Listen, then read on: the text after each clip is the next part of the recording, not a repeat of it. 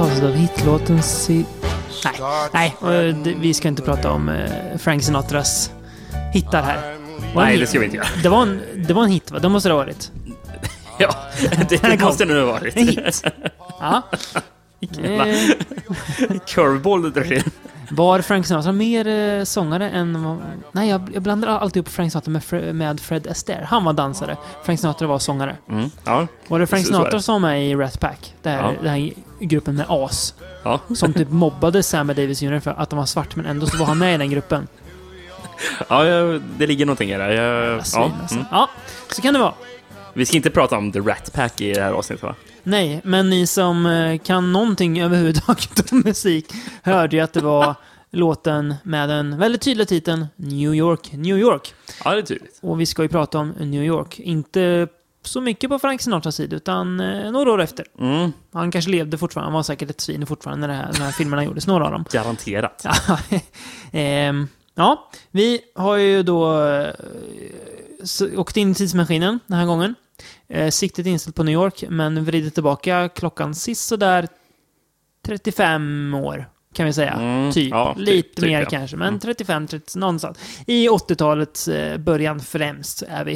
Eh, men vi kan säga att vi rör oss i mellan 70 och 80-tal Ja, i den ja, här podden. precis. Eh, de eh, smutsiga årtionden, om jag får Mm. säga så. Innan eh, ett annat as, Rudy Giuliani, den gamla borgmästaren i New York, eh, kom och städade upp New York och gjorde Jaha. det... Eh, Gentrifierat. Ja, det är gentrifierat. Ja. Eh, familjevänligt. Det var det inte förr. Nej, Nej, kan man var säga. det knark och sex och porr överallt. Mm. Kanske Eh, bra att det inte är så mycket sånt längre, men det är lite tråkigare nu. Känns Ja, det som. Eh, innan, precis innan vi började spela in det här nu så Mm. kollade ju du och jag på dokumentären, vad heter den? 46. 42nd Street Memories, The Rise and Fall of New Yorks Most Notorious Block, typ. Var Callum Weddell har gjort den i alla fall. Var med på din Blu-ray-utgåva av Anthropophagus. Mm, Ja. precis. Det- Från 88 Films. Den gamla utgåvan ska tilläggas, inte Det den är kul att eh, de inte nämner Anthropophagus en enda gång i dokumentären. Nej, de, slängde, de med. tänkte väl att Anthropophagus visades någon gång på 42nd Street. Så vi slänger en dokumentär om Ja, 42nd ja. Street. Vilket typ alla filmer som 88 Films lä- ger ut har ju visats på 42nd Street. Mm. Så att, eh, ja. Nej, men, eh, vi kände att det var ett eh, intressant avstamp att ta Mm. till eh, eh, detta avsnitts ämne, hu huvudämne. Då. Mm. Yes. Eh, eftersom... Oj. eh, Efter att ha sett den dokumentären eh, och den smutsiga gatan. Mm. Det, är, det är sjukt. Eh, alltså, 42nd Street är ju en, en av de här gatorna som leder fram till Times Square om jag förstår det Ja, rätt. och Eh, nära Broadway också. Ja, Ja. precis. Och det var, har man sett en film som, som, från 70-talet som utspelas i New York så Mm. har, har har förmodligen filmat eh, någonting på 42nd Street. Absolut. Taxi Driver, bland annat. Eh, Midnight Cowboy, Mm. bland annat. Och sen massa av de filmer vi ska prata om också. Men Ja. även mer ansedda filmer, man ska säga, Mm. har eh, utspelat sig där. Mm. Mm. Men en gata full av eh, gamla biografer som Ja. nu eh, eh, bara visar typ Grindhouse-film Mm. eh, Yes. film och eh, även eh, porr som det Mm. senare begav sig. Yes. Eh, det är smutsigt. Mm. Snuskigt Eh, och smutsigt. Snuskigt och Mm. smutsigt. Men också lite charmigt på Ja. något. Mm. I allt det här äcklet. äcklet. Alltså, alltså bara som en slags bakgrund. Mm. Eh, eftersom det är just 70 och 80-talet Mm. vi ska prata om. För vi Mm. kände att eh, det är ju då de här filmerna främst kom som, Mm. som verkligen visar upp Yes. det smutsiga. Särskilt sent 70-tal känns det Mm. som Mm. Taxi Driver som du sa. Och, Mm. ehm, vad, vad har vi mer? Typ The Exterminator, Mm. Death Wish för, för all del. Mm. Basket Case Ja. har vi ju. Att, mm. Warriors. Ja. Ja. Mm. Eh, det, det, det, det är inte så smickrande bild av eh, Big Apple som, som visas upp här Det är det verkligen i inte. de Det här är, filmerna. Det är ju är något helt annat än det här eh, ska man säga, turistiga som det verkar vara idag. Varken du och jag hade varit i New York, så vi ska inte säga för mycket. Men Mm. den bilden man eh, har av New York är att eh, det är något man åker till som turist. Jag säger inget ont i det. Mm. Men det är inte riktigt den bilden man har av New York eh, här. I alla fall inte de delar av New York som vi ser. Nej, var ju faktiskt i juni 1975. Mm. Om man landade på, på, på flygplats i New York Mm. kunde man mötas där av, eh, det var civilklädda poliser var det faktiskt. Som stod och delade ut en eh, pamflett som, som det stod “Welcome to Fear City”. Med, eh, på framsidan var det en, eh, en lieman. Eh, och, och det var liksom va- varnande ord till turister. Eh, det hade också att göra med att varför det... Jag, jag, jag, tror att de här poliserna just gjorde det för att det var mycket eh, budget cuts. Varför kommer jag inte på det svenska ordet för det? Nedskärningar. ja, ne- ne- nedskärningar eh, på, på bland annat eh, polisen eh, var det. Eh, det var ju under en tid då New York nästan blev bang, gick, bang, gick bankrutt. Dåtidens Detroit alltså. Ja, dåtidens Detroit, precis. Det var ju en, finns ju en känd eh, löpsedel eh, där det står att president Ford säger “drop dead” om, om, om New York. Eh, för han, han menar att han kommer inte göra någon bailout Nej, okej. till staden. Nej, nej. Eh, och, det, och det har ju även snackats om att det kanske var det som gjorde att han även förlorade omvalet. Mm. För i, i, i, som det, det, det fanns såna här eh, reklamkampanjer som Jimmy Carter körde som, som, som en sån här I'll never tell the people of the city of New York to drop dead.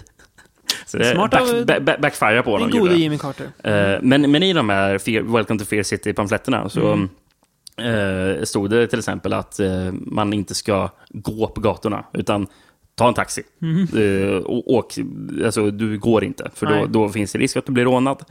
Eh, du ska inte hänga utomhus efter klockan sex på kvällen, typ. Nej. Eh, alltså, alla möjliga typer av rå- råd vad man ska Mm. och att man bara ska hålla sig inom de väldigt, väldigt centrala delarna liksom, av Manhattan. Mm. De mer städade, kontrollerade Ja. delarna kanske. Mm. Ja, pre- precis. Eh, men ja, 70-talet. Eh, bara inom typ en, inom loppet av en tioårsperiod. Ska jag bara nämna några höjdpunkter i fel ord. Det är inte alls höjdpunkter det här. Eh, Milstolpar. Ja, men, ja, men, alltså, men, men, bara för att förstå Ja. var vi är just här i New York. Eh, till exempel, vi har ju Dog Day Afternoon-bankrånet. Mm. Som den, den, Alltså filmen Dog Day Afternoon, några år senare, handlade om. Mm. Eh, Son of Sam Just det. eh, var ju 76, Mm. det första mordet hände. Ehm, det var 1977 så var det ett stort strömavbrott i juli eh, som varade från 13 till 14 juli 1977. Eh, där det var, liksom, det, var kvart, det var något kvarter som eh, typ blev helt demolerat. Liksom, det- för det var lootings överallt. Var det, så livsfarligt. Eh, och John Lennon blev ju även mördad. Mm, Just det. 80 va? Ja, det här är inloppet av typ åtta år jag har, jag har sagt det här. Eh, och jag- läste statistik om eh, alltså mordstatistik för, för New York. Eh, från 1928 det var första året man började göra den här mätningen. Eh, och 1969 var det första året sedan 20, 28 som antalet mord per år gick över tusen. Eh, Bara i New York då? Ja, ja precis, i, i New York. Men det hade aldrig varit så högt Nej. eh, förrän 69 då. Nej. Och efter 69 fortsatte det bara stegra. Några år senare hade nästan, eh, från det vanliga snittet, hade det nästan tredubblats. Så det, var, och eh, det var 1991 tror jag det var, eh, eller 1990 eh, var rekordet, det var 2245 personer. Och eh, det, det var först senare på 90-talet som det första gången på typ 30 år, Mm. eller 20 25 år som eh, det gick under 1000 personer igen. Så Oj. det var liksom Högt. en epidemi kan man säga av, av brott. Ja. Och ja, Mm. det, man, man förstår varför det gjorde så mycket filmer om, om, om, om, om just New York här. Ska vi börja med en som Ja. verkligen visar upp det smutsiga New York? Massage Parlor Murders. Mm, 73.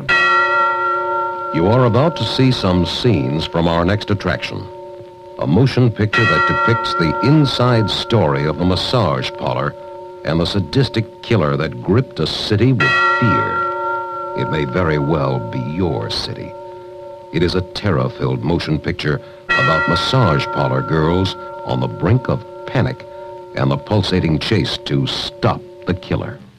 See Massage Parlor Murderers if you've got the nerve. Eh, här är vi ju i... ehm, Eller nej, Massage Parlor Murders, för det är faktiskt just det, utropstecken. där är jag. Där är eh, jag. på- Egentligen är det det. Mm. Ja. Ehm, ja, det är en film. Eh, Är det det? Ja, Är det det? det är det väl på något vis. Som handlar om, eh, ja, den handlar ju om vad titeln säger. Den börjar, den börjar inte så, vi ska prata om början sen, men eh, det är i alla fall en tjej som eh, mördas av en kund på en av New Yorks minst sagt slisiga massagesalonger som då såklart även säljer mer än bara massage. Eh, jag tror inte vi behöver säga mer så. Eh, polisen kallas snabbt dit, men det finns inga direkta vittnen. Det är väldigt vaga beskrivningar av gärningsmannen. Eh, så det blir svårt att göra något. Och eh, rumskamraten till den här tjejen, Gwen, Eh, kommer väl inte med så jättemycket förutom det. Det är någon klient som han var lite skum. Så polisen kollar honom, men det är inte han för att snart blir någon annan mördad. Och eh, ja, det är, man får lite panik för vem är den här galningen som härjar bland de här massagesalongerna, helt enkelt. Eh, ja, första scenen då, som jag sa. Det börjar, filmen börjar alltså med att eh, vi får se en scen ur den här, en sån här massagesalong då. Där en tjej ska utföra massage på en äldre man, 45 kanske, någonting känns det som. Ja. Ehm, hon försöker då verkligen sälja in mer än bara massage. Eh, hon lyckas väl sälja att hon visar brösten för dem. För 50 dollar och sånt där. 20 dollar. Ja, 20 dollar. Men det känns som att han säger ja men han tycker hon är snygg och han vill ju mer. Men sen typ så för 20 dollar till så får han mer. Nej, nej, nej, då, då får det vara. Jaha, Och han blir okej. plötsligt väldigt så bara, nej, jag måste, jag har ju för fan fru, jag, jag vet inte hur jag tänkte. Äh, ja, jätte... Och, så, och sen så börjar filmen. Ja, den här precis. scenen bara... Den är ja, lång scen. ja, den är över fem minuter där. Ja, Ja, ja. jätteseg, händer ingenting egentligen. Eh, jättedåliga skådisar också för den delen. Så det, är, det känns som någon slags så här... Det är ju inte porr, men eh, det är ju någon slags, om vi säger att porr är slutdestinationen på eh, en tunnelbaneresa, så är vi några stationer ditåt i alla Det är fall. ju från eh, vanlig film. Kan man säga. Ja, det är det. Det, det, Hela den filmen stinker ju sexploitation. Det stinker för att det... alltså, det ser ut som att det är en porrfilm från början på 70-talet. Ja, det gör det. jag. Väldigt, det här murriga fotot Ja. liksom. Människorna ser ut att kunna vara med i porrfilmer. Förvånar mig inte om några säkert var det också. Det kan nog tänka Jag kan tänka mig det. Eh, att filmen är utgiven av det väldigt älskade bolaget Vinegar Syndrome, som ju också ger ut mycket ja, porr, tror jag. Eh, är ju såklart, spär ju på sleazefaktorn ännu mer. Eh, eh, Är det de som gav ut den här Blu-rayen som eh, du köpte? Ja, som- Blue Eyes ja. ja. Blue Eyes, ja. Har, har, vi, har vi nämnt det tidigare? Nej, jag tror inte. Jag köpte en film till nazi-skräckavsnittet som heter Blue Eyes för att det skulle handla om någon nazi-grej. Sen när jag skulle kolla filmen, för jag kontrollerar alltid filmerna när jag fått dem, ja, då dyker det upp en, eh, en, eh, hård, en, en hård eh, och hårig lem då. Så bara, aha, okej. Sen gulligt, gu- gulligt. Jaha, det var porr där. Ja, okej. Ja, fan då. Men så är det ibland. Eh, Man, man, man anar ju oro när filmen inte fanns på Letterboxd, Nej, precis. där vi betygsätter alla Då, filmer. ja. Men så är det ibland. Eh, men Message Ball Murders i alla fall, den, ja, den är väldigt mycket 70-tal. Eh, det är ingen... Det är ingen riktig film är det ju inte. Det, är, eh, det känns som något man har gjort för att man ska ha något att ge ut. Men lite, tänker man, slagkraftig titel som säkert sålde ner biljetter, kan jag tänka mig. Mm. Alltså det är ju en ursäkt till story. Ja, ja, det, ja, ja. Det, det, är två, det, är det, är två, ingen, det är ingen story. det är två poliser som driver omkring och letar efter en mördare, Ja. typ. Är det. Vi kan Eh, väl, ska vi prata om polisen lite grann? Ja, Eh, eller en av dem i alla fall. en blond eller en mörkhåriga. Jag kommer inte ihåg, men det är han som var så jävla hemsk mot sin fru. Som de, de klipper med att han åker hem och bråkar, bråkar med sin fru. Och sen så åker han iväg och, och jobbar igen. Och hon är ju så här, hon, hon är ju ganska rimlig liksom i sin tro att han är otrogen, för han köper ju någon prostituerad sen också. Mm. Så han är ju världens svin och han, och han ska vi liksom hänga med. Bara, nej, vadå, han är ju inte liksom... Han är ju större as än vad mördaren är nästan. Sen är det ganska kul i slutet av filmen, den är inte särskilt lång. Eh, Det är bara Men- en 1,19 typ. men kanske för lång, ja. för den innehåller Ja, ingenting. mm. I slutet av filmen, så bara helt plötsligt så bara kommer en av polisen på. Aha! Det där måste vara mördaren. Från typ, han ser, jag vet inte om man tittar på någon film, men han, han ser någonting och då bara, aha, det där måste vara mördaren. Och man, jaha, hur kom du fram till det? Det finns liksom ingen förklaring Mm. till hur han kommer fram till. Nej, det är, Fast- det är ingen riktig film. Nej, men det- jag måste nästan nämna lite från eh, slutet. eh, Mm. Så, aj, den som bryr sig om slutet på Message Polymurders. Men eh, för, för de har väl typ kommit på vilken som är mördaren. Ja. De drar någonstans och hittar den blonde polisens eh, tjej eh, mördad. Och sen så är det en scen där de går ute på gatan och Mm. han ser lite ledsen ut. Och, eh, Ja. och sen får man, eh, så ho- hoppar filmen tillbaka till den där message pal, pa- parlorn. Mm. Var, eh, massa, Massagesalong. massa, massa, Tror jag. ja, precis. Jävla dålig här idag på att komma på Ja. svenska ord. Eh, Eh. ja. Mm. Ja, men, och då får man ju se att den här mördaren är där igen. Jag vet Mm. inte hur han blir insläppt gång på gång. Eh, utan misstanke. Pengar är pengar. Ja, ja precis. Eh, och eh, är på väg och, och mörda en eh, till eh, tjej där. Och helt plötsligt så, ja just det, hon, hon kastar något sp- sprit över något hus. Han börjar brinna. Mm. Det. Eh, och han skriker i vansinnigt. Eh, Och helt plötsligt så stormar de här poliserna som man såg några sekunder innan var ute på gatan och bara gick. Helt plötsligt bara sparkar de in dörren där. Och, eh, och han, han är där, brinner och faller på golvet, den här mördaren. Och de ställer sig på knä och börjar skjuta på honom när han brinner. och han bara vrålar. Overkill. Det är så sjukt, sjukt Ja. jävla sjukt slut. Ja. Och sen så kommer det någon här text eh, som ska anspela till de sju dödssynderna, typ. Just ja. Fin- en, en alternativ titel på filmen är faktiskt The Seven Deadly Sins. Helt löst sammanhängande. Den här, Är inte David Fincher direkt. eh, nej. Nej. Eh, även den här komikern vi pratade om tidigare, eh, Brother Theodore, dyker ju upp i en ja. helt vansinnig scen. Ja. Där han kör någon monolog i flera minuter Mm, eh, som bara blir mer och mer... Han som var trailerrösten till House by the Cemetery. House by the cemetery. No one under 17 will be admitted. eh, som, som även var med i The Burbs då, som en av grannarna. Just det. Just det. Mm. Ja, Ja, nej. men det är ingen film som man rekommenderar till någon. Eh, Jag läste att den här faktiskt hade klipps, klipps om till att vara mer av en ren sexploitation-film Mm. eh, och kallades då istället Message Parlor Hookers, Ja. Också med utropstecken. Ja. Men då hade man klippt bort allting som hade anspelat mord. Så kan jag tänka, den om möjligt ännu tråkigare film då. Mm. Den måste vara så långsam. Ja, nej, det, det är en film för eh, de som är ännu snedare i huvudet än vad vi är på något vis. Eh, det är, nej, det är, det, det, det är för tunt. Sexploitation är ju inte våran grej, alltså, har vi ju märkt i den här Nej. podden och genom våra filmtittarår. Eh, det måste finnas mer än bara någon vagt eh, förklädd story som är här. Så att, eh, nej, ingen hänga granen direkt. Mm. Apropå vagt förklädd story. Mm. Ska vi röra oss till nästa film? Mm. Den älskvärde dåren Abel Ferraras Driller Killer från The Driller 1979. Killer, va? ja, just det. The Driller Killer från 79. See Jimmy Lane as Reno Miller, a man driven to the very edge.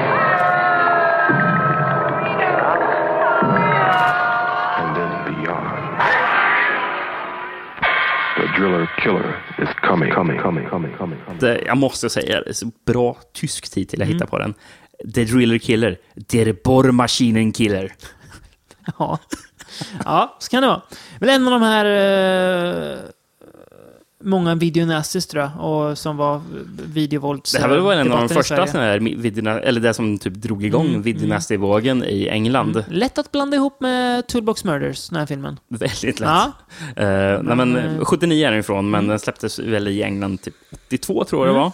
Och väldigt snabbt så, för de, de körde ju reklam för den i tidningen, Vipco var det som släppte den. Ja, eh, såklart. På VHS. Strong uncut version.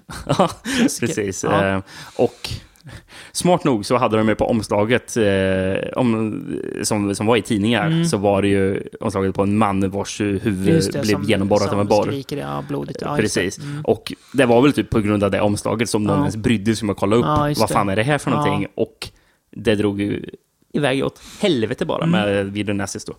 Inte hans debutfilm, men en tidig Ferrari. En tidigare. Ja, precis. Eh, det var även... ja, manusförfattaren också, Nicholas St. John, som jag tycker Mm. är väldigt, väldigt intressant.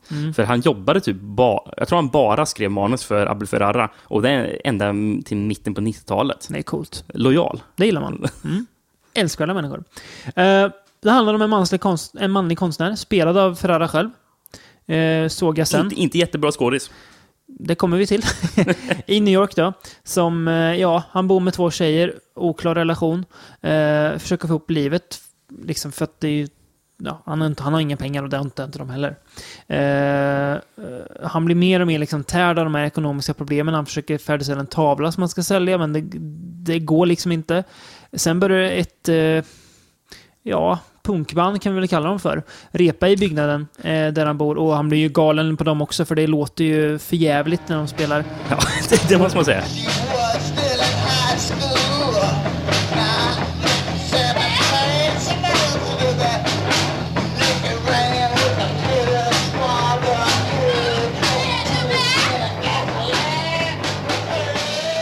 Vet, vet, vet du vad punkbandet heter? Nej, jag kommer inte ihåg. Tony Coca-Cola and the Just Roosters. det, fy fan. Ja, vi, vi, vi kommer till Tony Coca-Cola sen. Nej, Just de, det. de, de står faktiskt credited som att det är de som gjort musiken också. Det är typ Abel Ferrara var med och några andra och gjorde den musiken. Ja, okej. Eh, var- Lite kul. Eh, eh, han blir ju galen slut den här killen. Eh, slår ju slint för honom, så han tar helt enkelt en borr och ger sig ut och mördar hemlösa. Ja, Ja, det är, typ det. det är det som filmen Mm. handlar, om. Hans liksom, hur han blir galen och sen börjar mörda hemlösa för att... han inte Han eh, hinner klart med sin Nej, eh, målning. Som gör att han kommer typ bli av med lägenheten. Mm. Här är ju... Ja, storyn är inte mycket mer än i Message Parlor Murders. Men eh, det är ju inte alls lika... Eh, ska man säga? Det är inte, det är inte sexploitation på samma nivå. Nej, nej. Eh, Jag skulle inte kalla det för sexploitation. Det är ju någon slags... Det är som att... Eller det är en slags arthouse-rulle. Mm. Men...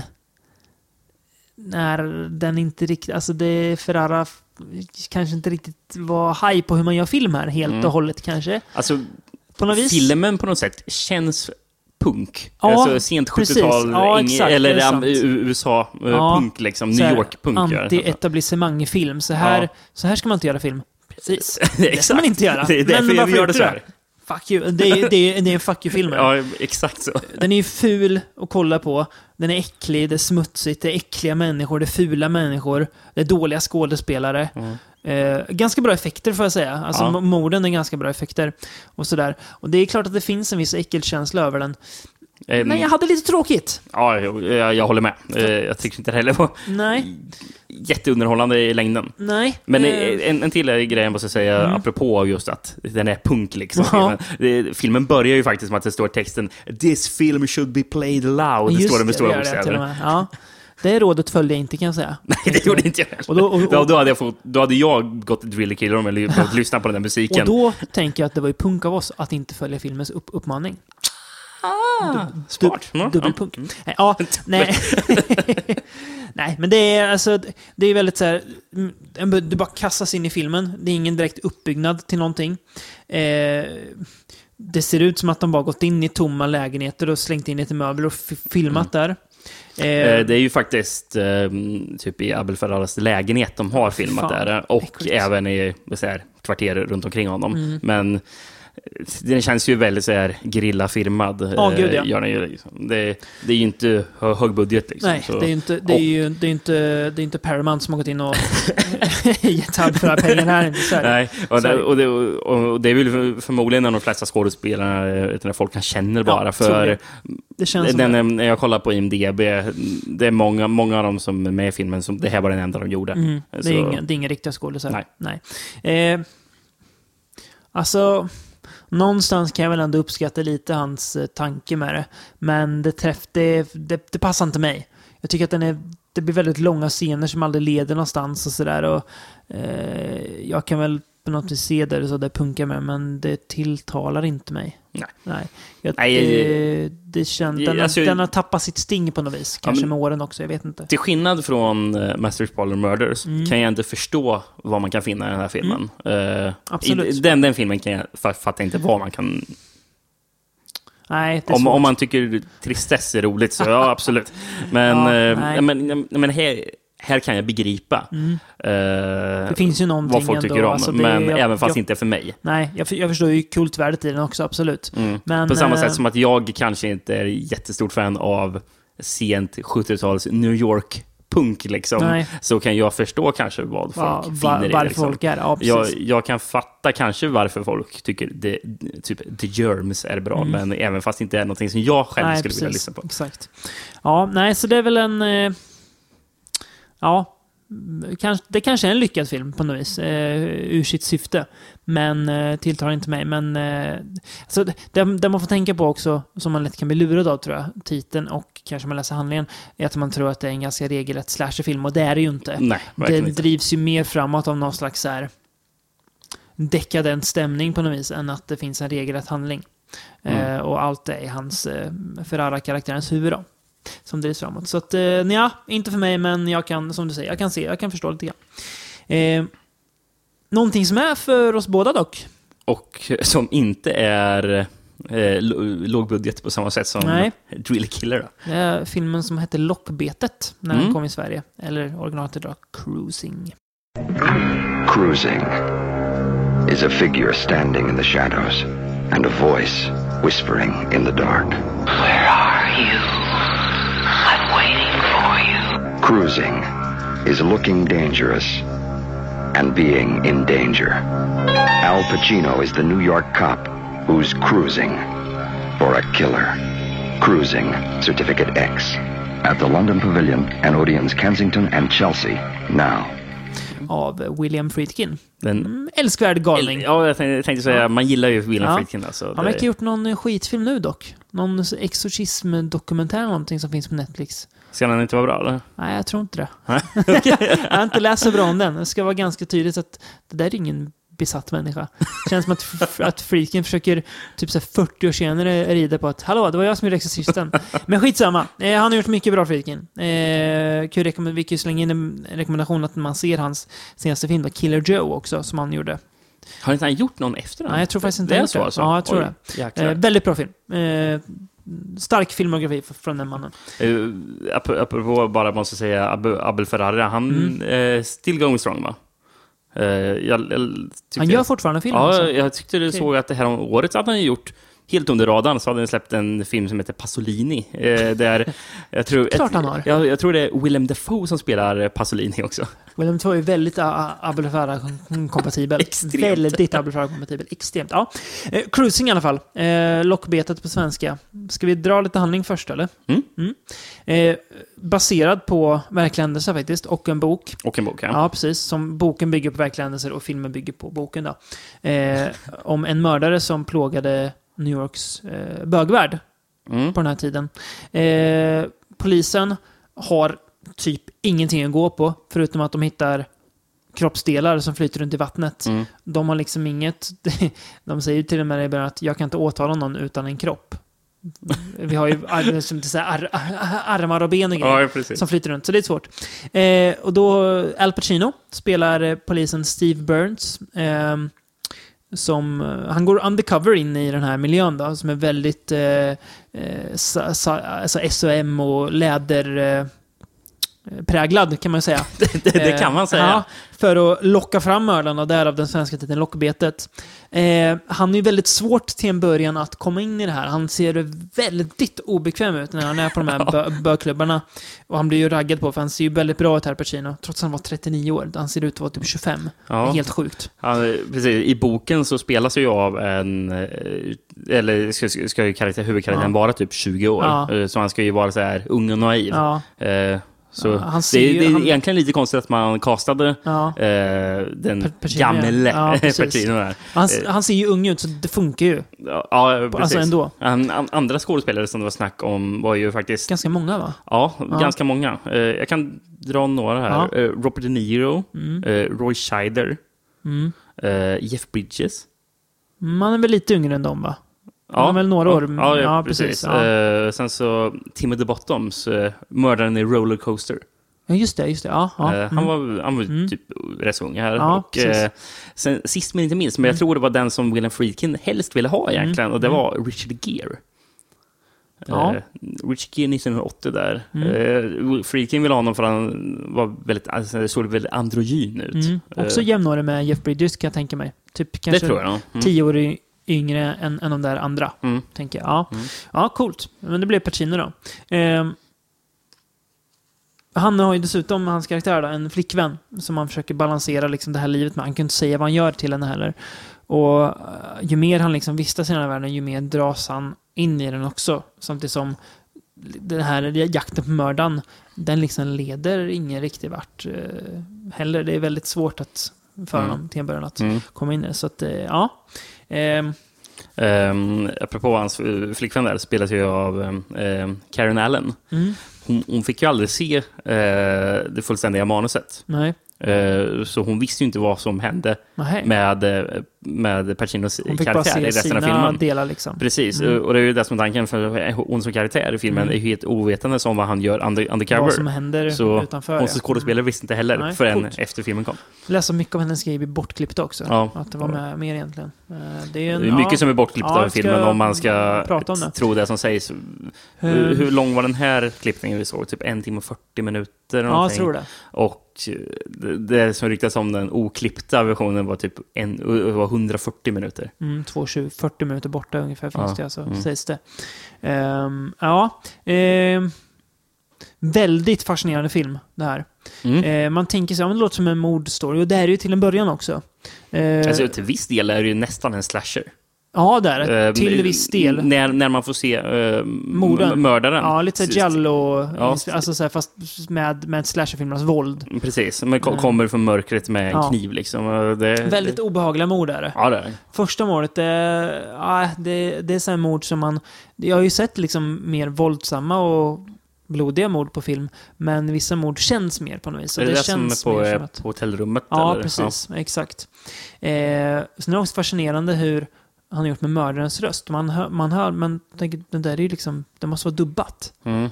Alltså i början så reagerar man så starkt på det. Vad är han, den vad han säger mördaren nu? Eh, I, you're here, I am here, we're here. Någonting. Ja. Så, här, men han säger någonting till flera personer, säger inte you, you made me do it? Eller Ja, det säger han också Ja, när han har ja. mördat dem, ja, precis.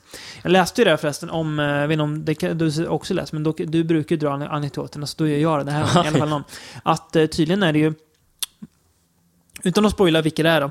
I första scenen så spelas ju då mördaren av en skådis och offret av en. Mm. I en nästa scen så är offret den som var mördaren i första scenen. Och i en senare film så är eh, vet du, mördaren i första scenen offret. Mm. Så att han byter ju mördaren i den här filmen. Mm, för, för man får ju se typ av- ansiktet på mördaren. ja. Så Det spelas av tre olika skådisar. Rösten är ju den, densamma. ja. Så det är ju någon, det är någons röst, men det är olika skådisar. Och det ger en väldigt så här...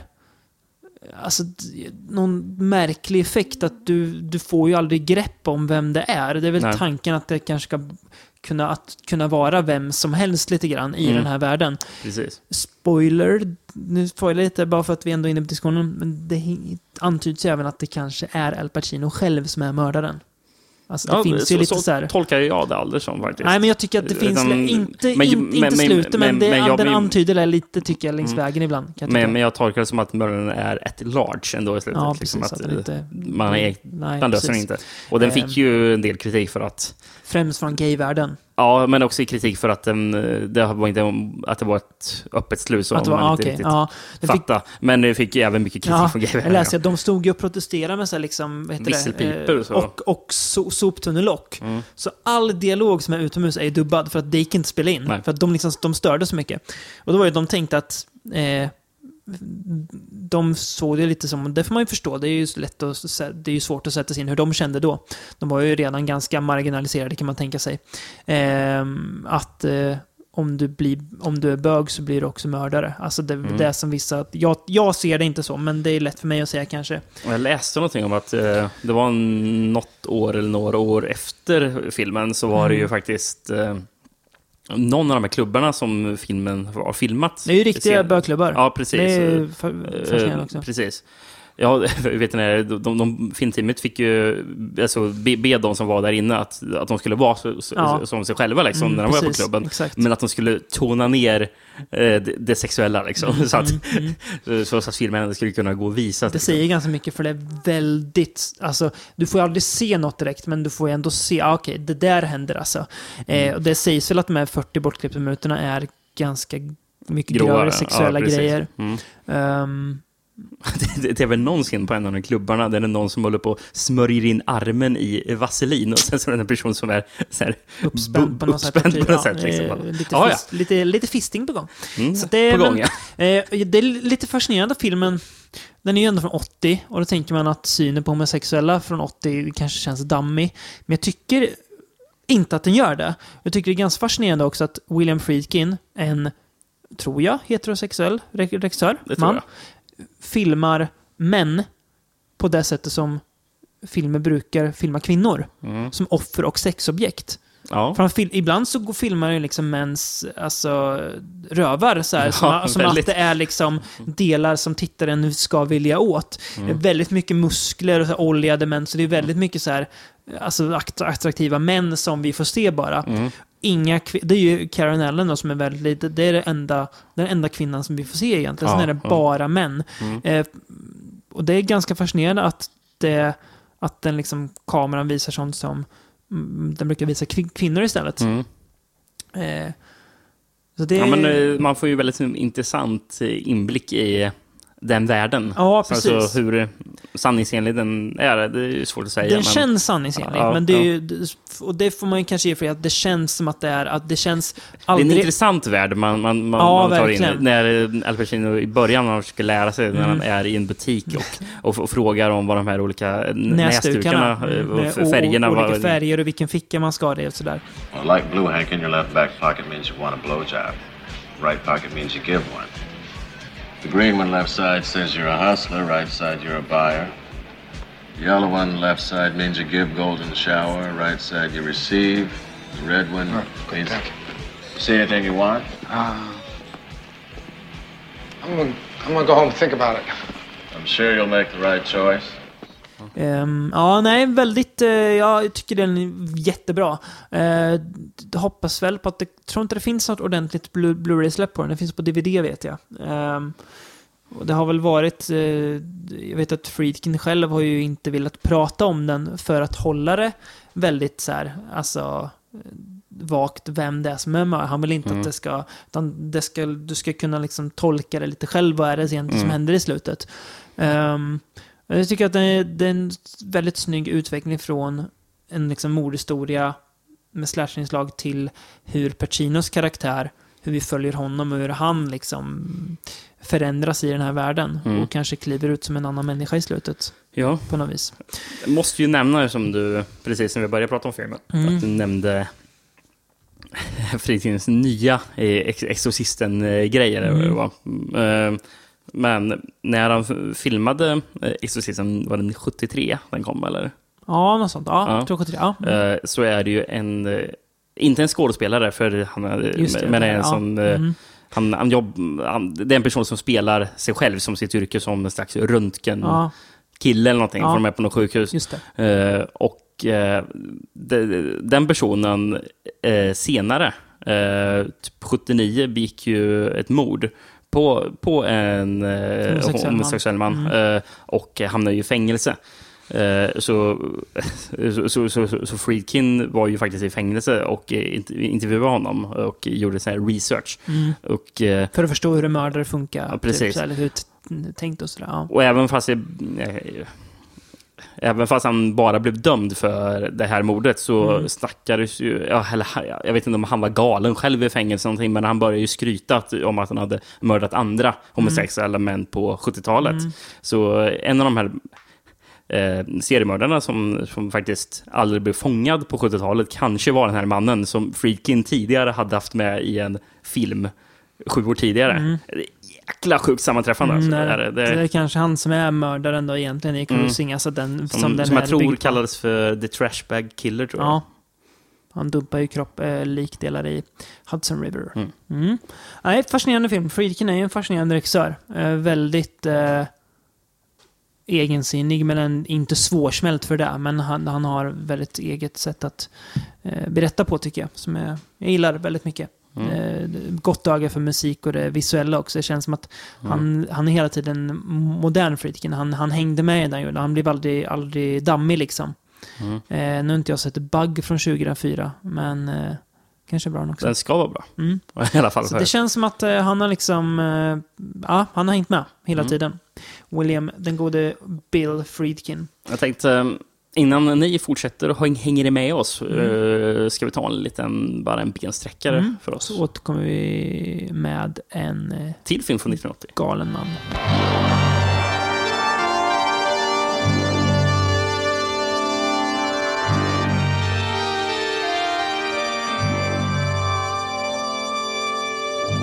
Ja du Frank Zito. Eh, det vill jag inte bli kallad. Va? Nej. Skön kille. Inte han släkt inte med Joseph Zito som spelade in... eh, Fredag 1304 och The Prowler. Ja, precis. Mm, Nej, ingen släktskap. Eh, Frank Zito är en fiktiv karaktär då i filmen Maniac. She's a maniac. Ja, vi, den, den storyn drar vi sen tycker jag lite Ja, grann faktiskt. Eh, Maniac från 1980. Analysis Films, the distributors of the controversial box office hit Caligula, now bring you a new challenge Maniac. No horror that ever froze your blood, no terror that ever pinned you sweating to your seat can prepare you for Maniac. If you think you've seen it all, you haven't seen anything until you've met the challenge of Maniac. No one under 17 admitted. Eh, William Lustigs eh, ökända eh, slasher-ish. får vi Hans eh, eh, debutfilm också. Ja. Han hade bara spelat i... Som ja. fan. Ja, det Han har bara gjort, gjort, gjort porr innan va? Ja. Eh, Det har något att han bara gjort, gjort porr innan. Eller hur? Eh, det var ju faktiskt... Jag ska se, vet du vad hans pseudonym var när han gjorde porr? Nej, men jag vill veta. Billy Bag. Det är så gött alltså. Billy Bag. Fy fan vad äckligt. Ja. Eh, ja, faktiskt. Eh, det var ju faktiskt från hans film från 77 som heter Hot Honey som han eh, använde pengarna Att göra Maniac. för att göra Maniac. Mm. Yes. Eh, Maniac då. Faktiskt den enda filmen i podden där jag har skrivit ner handlingen eh, utan att liksom titta vad som händer. Utan jag känner att den här filmen kan jag så bra. Och så sätter- skrev handlingen innan du såg om filmen? Nej, jag slog på filmen och sen så skrev jag bara ner allt direkt liksom. Annars brukar jag sitta och liksom följa med och vänta på att det kommer någon vän- vändning och sådär för att få med Mm. viktiga saker. Men, här så, ja, men den, här film, den här filmen kan jag. Utan till. Ja, näst, jag har sett den väldigt många gånger. Så det, jag Det bara här var bara andra gången jag sett den. Mm. Det var ju... Gymnasiet senast va? Ja, men det ja. Ja, Mm. ja, men Länge typ, sedan i alla typ. fall. Ja, Mm. ja, precis. Men Det det kan nog vara 15 år sedan jag såg Mm. den. Så det var ett tag sedan. Den, då har jag skrivit så här då, att Frank Zito, han är galningen som gör livet osäkert för New Yorks kvinnor. En av många säkert. Men eh, den vi förföljer i alla fall i den här filmen. Eh, minst sagt ruffig uppväxt. Eh, Hans sinne är så rubbat ur balans att han inte bara mördar kvinnor utan även skär av deras skalper som trofé för att eh, häfta på med eh, häftapparat de skyltdockor han delar bostad med som han pratar med och tar hand om och tänker att det här är mina flickvänner och sådär. Eh, och polisen har ju ingen chans, det är ingen, de har ingen suck att ta honom för det är ju, alltså, det sker ju på måfå, det, det är kvinnor vart som helst, när som helst. Och ja, han, han kan inte sluta mörda helt enkelt, Frank. Det, det, ja, det går inte. Du vet inte den där filmen handlar om. Ja. Mm. Sen tar den en liten vändning sen han träffar en, en eh, fotograf. Spelas av Carolyn Munro. Mm. Som han, man tänker att kan det vända nu för Frank? Mm. Vi säger inte mer än så. Eh, De flesta kanske har sett den, men vissa kanske inte har. Då vill vi inte avslöja något. Joe Spinell alltså, som Mm. spelar Zito. Dyker även faktiskt upp i Cruising som äcklig polis. Ja, väldigt äcklig polis. Mm, väldigt bra. Skådis dock. dök upp i många f- New York-baserade Mm. filmer. Mm. Han är ju även med i Gudfadern. Mm. Är det del två bara han är med i? Nej, både ettan och tvåan tror jag. Är det så? Rocky. Rocky, ja. Ett och två. Även fast det är Philadelphia då. Men, Mm, ja. Precis, ja. Eh, Nej, så han eh, eh, gjorde mycket. Men han eh, brann eh, intensivt och kort tror jag lite grann. Mm. Vi pratar om honom lite mer Mm. sen. Eh, här är ju verkligen också det här äckliga New York igen. Som vi ser. Det är vi så ser ju, riktigt ruffigt. Ja, vi ser ju alltså. bara liksom New York. Nästan bara New York om natten. Mm. När det, alltså då förstår man ju de här varningshäftena du sa förut. Det är, man ska inte vara där ute då. Det ser farligt ut Ja, faktiskt. det gör det. Det är riktigt obehagligt. Är det. Eh, Joe Spinell dessutom, han, eh, han har ju ett ansikte som är bra för galen uppsyn. Jaha. Han är ju... Han är ju inte vacker vacker. Jag vet, ska inte kalla honom ful heller, för han har ett väldigt märkligt, väldigt eget utseende. Eh, ganska gro, alltså grova drag och sådär har han. Och flottigt hår och sådär. Eh, men också sättet som han gärna stirrar och sättet han pratar på. Det är mycket med honom som Ja. gör att han, han passar bra som i rollen som den här Han ser ju ännu mer flott ut med tanke på att fotot är så cool, lite Ja. cooligt också. Även fast man ser den på en Blu-ray-utgåva nu så är Filmad ju på filmen... 16 millimeter. Ja, men det, det, det syns det, ju. gör, det gör ju sitt. Det gör ju sitt. Precis. Det passar bra att den är det. Ja, det Det, gör det det. ökar, det gör något för filmen. Den var ju... Det var inte mycket pengar i den här filmen. Den var ju väldigt låg budget. Mm, Men som mm. sagt, det var ju... Det var ju Lastig det, det var ju. Billy Bags eh, porrpengar. Och Liksom. så var det ju Spinell själv som gick in med en del och en tredje producent också. Mm, Spinell skrev ju faktiskt manus för filmen. Ja, just det. Det Eh, var med och det var det. enda, Mm. manus han skrev. Ja, Eh, så det in- var- Intressant att de valde att göra för det här. Mm, Eh, ska vi se. Eh, original, budgeten först var 48 000 dollar. Mm. Och det- 6 000 dollar kom eh, från Spinell. Spinell, ja. Mm, precis. 30 000 var från Lastig. Och sånt där, var det inte det? Ja, det var någonting sånt Ja, där. mycket i alla fall. eh, och det, var, och det var faktiskt vet en lön spelaren hade Mm. fått från eh, eh, cruising Mm, som han precis. hade till Ja, att göra. På, på sin här. Ja. Sen så fick den lite mer pengar sen av en producent Ja, som kom in. ja, och lite finansiärer och sådär. Precis, så producentens eh, krav på att de skulle ta de pengarna var att Carolyn Munro, som då var hans fru, hennes make, just det. Mm. eh, skulle få spela huvudroll då. Ja. Egentligen var det Daria Nicolodi Ja, just det. skulle Men hon spela. gjorde ju Inferno istället. Precis. Mm. Eh, men man, det, det är väldigt intressant att läsa om alla lösningar som är gjorda med, med tanke på att den är så lågbudget, lågbudget den här filmen. Väldigt mycket grilla här. Extremt mycket Mm. grilla. Den är film, alltså, det, finns, det passar ju att den är filmad på natten. Mm. Men det finns nog en bra anledning till att den filmades på natten också. Lättare att komma undan. ja, precis. Som Den är ju, den är ju, det här är ju filmat, den är, det här är ju på, verkligen på plats. Man har ju bara Få- gått ut med en kamera på gatorna, Få, liksom. få filmer känns så mycket på plats utan att vara liksom... Det ser ju äkta ut, gör det. Schabbiga. Visst, Vänsterplan mördare är väl också på plats, men den känns mycket schabbigare. Den Mm. känns ändå som en riktig film, liksom, även om den är ganska så här, kantstött och så. Ja, men precis. Eh, till exempel, det är ju en kropp man får se i slutet som är utan ett huvud, utan att säga något mer då. Det är ju det, är ju det här det som används som lik för Betsy Palmer i Fredag den 13. Eh, som eh, Tom Savini som gjorde effekterna, eh, är det ju även som gjorde effekterna för den här Yes, filmen. yes. Och han... Och anledningen till att han är, han, han, han är ju med i en scen som är den mest Mm. berömda scenen Mm. från den här filmen, Mm. när eh, Spinell dyker upp med ett hagelgevär Mm. och blåser huvudet av honom. Mm. Vilket är en helt sjuk scen. Ja, där får han smaka på sin egen eh, medicin, Savini. Mm, och anledningen till att eh, Savini ens castades för Ja. just den här rollen var ju för att Savini redan hade en, en vet ni här... Ett huvud av sig själv, Ja, alltså, låtsashuvud av sig själv. Ja, en, han hade en form för att Ja, göra precis. ett Ja, just det, just huvud. Ja, liksom. ja, så det är liksom bara, ja, Billigt liksom. det fun- fungerar ju Mm. liksom. Ehm, och den scenen... ehm, Det är som- kul, är. De, för de sitter ju i en bil, eh, Tom Savini och eh, hans tjej På, där. på någon typ avfart från, från vägen är det typ. Det sitter, de sitter på ett ställe som ser otroligt obehagligt ut Ja, det gör det. Mm. Det, oh, det vill man inte vara. Nej. Eh, sen dyker ju eh, Spinell upp, Mm. eh, eller Si- Sito som Mm. karaktär, och eh, blåser huvudet av honom ett hagelgevär. Eh, när de filmade scenen, eftersom det var, allting var grillas i filmen, Mm. de hade ju inget tillstånd att göra det där. Och det är ett riktigt hagelgevär som de använder för att skj- skjuta. Så det fanns en, en typ en getaway-bil som var redo. Så precis efter de avfyrade skottet körde bilen förbi och så jag. slängde hagelgeväret in i bilen och sen drog iväg. Yes. Fascinerande. Sen har vi dumpat bilen med eh, Savinis kropp i också i eh, floden. Hudson River, eller Han pratade ju ja, den, den ligger väl kvar där fortfarande. Någon dag hittar de den med min, med, med, med min döda kropp i liksom. Ja. Ja. Eh, Ja. Det finns ju film, filmade scener som är filmade från helikopter. Mm. De, de, de, de klippen är ju snodda från Inferno. Mm, Agentos ja. Ja, ja. Det är intressant när amerikansk film stjäl från italienare. Mm, mm. Då, då snackar Det vi fascinerande. då, då ja, budget. så det är verkligen... Men alltså...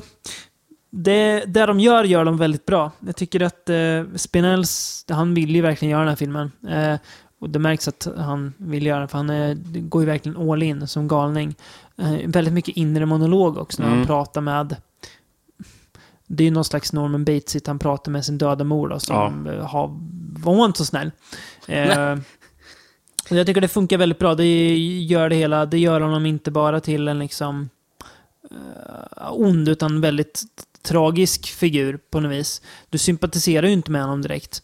Men det är inte, det är inte heller så att det blir som en vanlig slasherfilm heller. Mm. Som att du följer mördaren så tydligt här. Eh, Det är, till är skillnad svårt från... nästan att kalla det för slasher. Ja, vet inte, jag vill, jag vill inte göra det riktigt. Jag Eh, vet inte vad man... Det, är, det behöver inte kalla finns, det mer en, det finns men- en, en scen som jag Mm. tycker... När Eh, han följer henne i tunnelbanan. ja, då, då är det Absolut. väldigt tydligt en slasher. Det finns ju slash-element, absolut. Ja, men, men, eh, men, men då känns det som en mm, slasher. mm. Eh, Just hon som blir förföljd och mördad i tunnelbanan. vix- En jävla grov scen också. Den Mm. är riktigt så här äcklig och... Mm. Väldigt... Eh, eh, New Yorks tunnelbana vill man inte vara i. Nej, det är väldigt, Då. eh, väldigt våldsam och grov film överlag. Liksom är det. Ja. Väldigt Men- äcklig och blodig och sådär. Jag skulle säga att hon skådespelerskan som blev mördad där. Mm. Vi har pratat om en film där hon var med i Mhm. rätt så nyligen. Mm. Rawhead Rex var hon med i. Jaha. Morsan eller? Jag vet inte vilken, vem som spelar. Men där ser man. Hon var med där i alla fall. Ja, det. det ser man. Eh, Sen har vi mordet på hotellet. Mm. Ehm, som också är... Första där, ja. Ja, det är Mm. också så här jobbigt att titta på. Mm, Det är liksom, mm. En lång scen och Mm. äckligt. Liksom. Mm, Ehm, men det, det filmades ju på Ho- Hotel St. James eh, på 45th Street. Mm. Samma hotell som eh, mordet i Cruising är filmat på. Jaha. Där ser man. Två filmer från Mm. samma år som filmade brutala mord på hotellet. Bra, bra rykte. Ja. Bra reklam. Ja. Mm. Jag, tycker, jag kan tycka att slutet i filmen eh, är lite för långt. Mm. Den skulle klippt efter att någonting händer. Ni ser man filmen, förstår, jag tror du förstår vad jag menar också. Mm. Ja. Hade den slutat där hade det varit bra liksom. Det kommer en liten eftergrej som är lite så här... Jaha. Sen är filmen slut. Men eh, väldigt bra film ändå, Mm. eh, tycker jag. Eh, bra soundtrack också. Väldigt så här kallt och ganska minimalistiskt är det. Mm.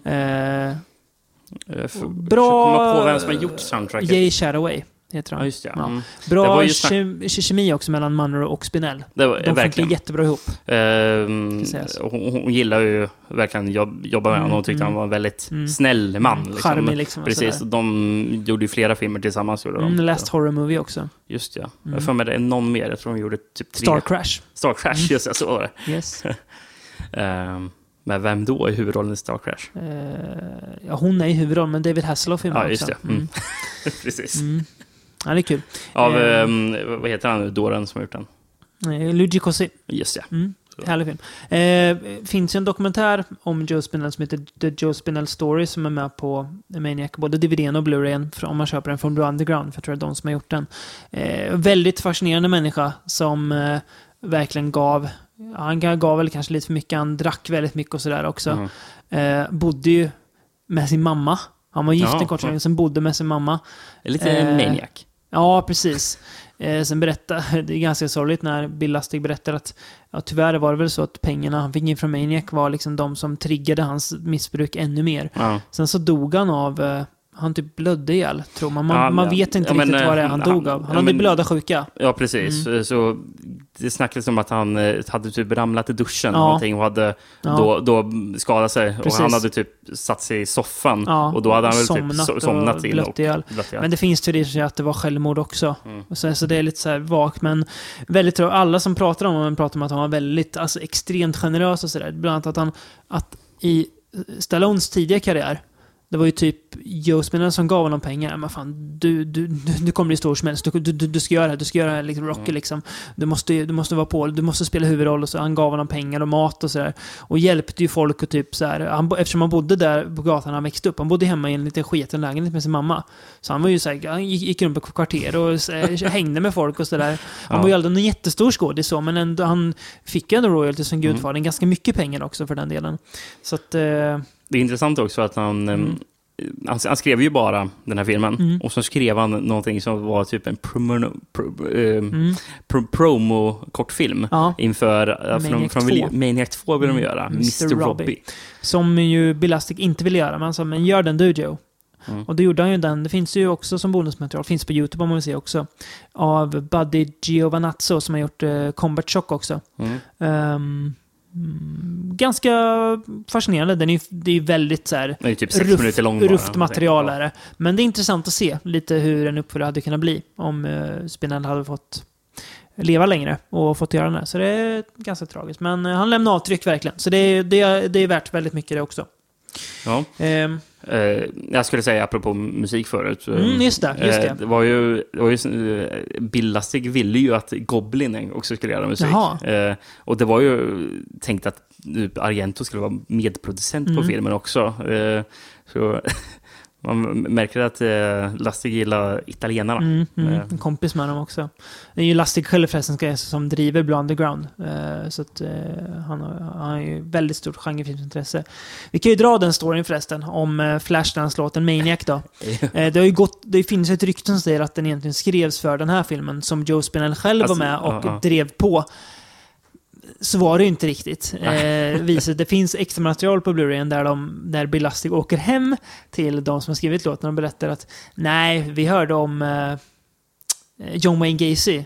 Ja, och så skrev vi en låt och alltså, så här, jag, jag så här, la- latchade bara lite och sjöng någonting. Ja. Och sen så, sen så ville de ha musik till Flashdance och då hade vi den här melodin. Och så, och så skrev vi om texten så att, att det passade en dansfilm istället. Ja, och någonstans där spreds Ja. ryktet om att den Ja. egentligen skulle vara skriven för. Ganska kul. Det var väl typ Spinell själv som hade börjat sprida Ja, det var ju det. ryktet. Ja, det. det var ju för att eh, han hade ju tre krav, Spinell, för Maniac. Mm. Han skulle spela huvudroll, det fick han ju. Mm. Hans ansikte skulle vara på affischen.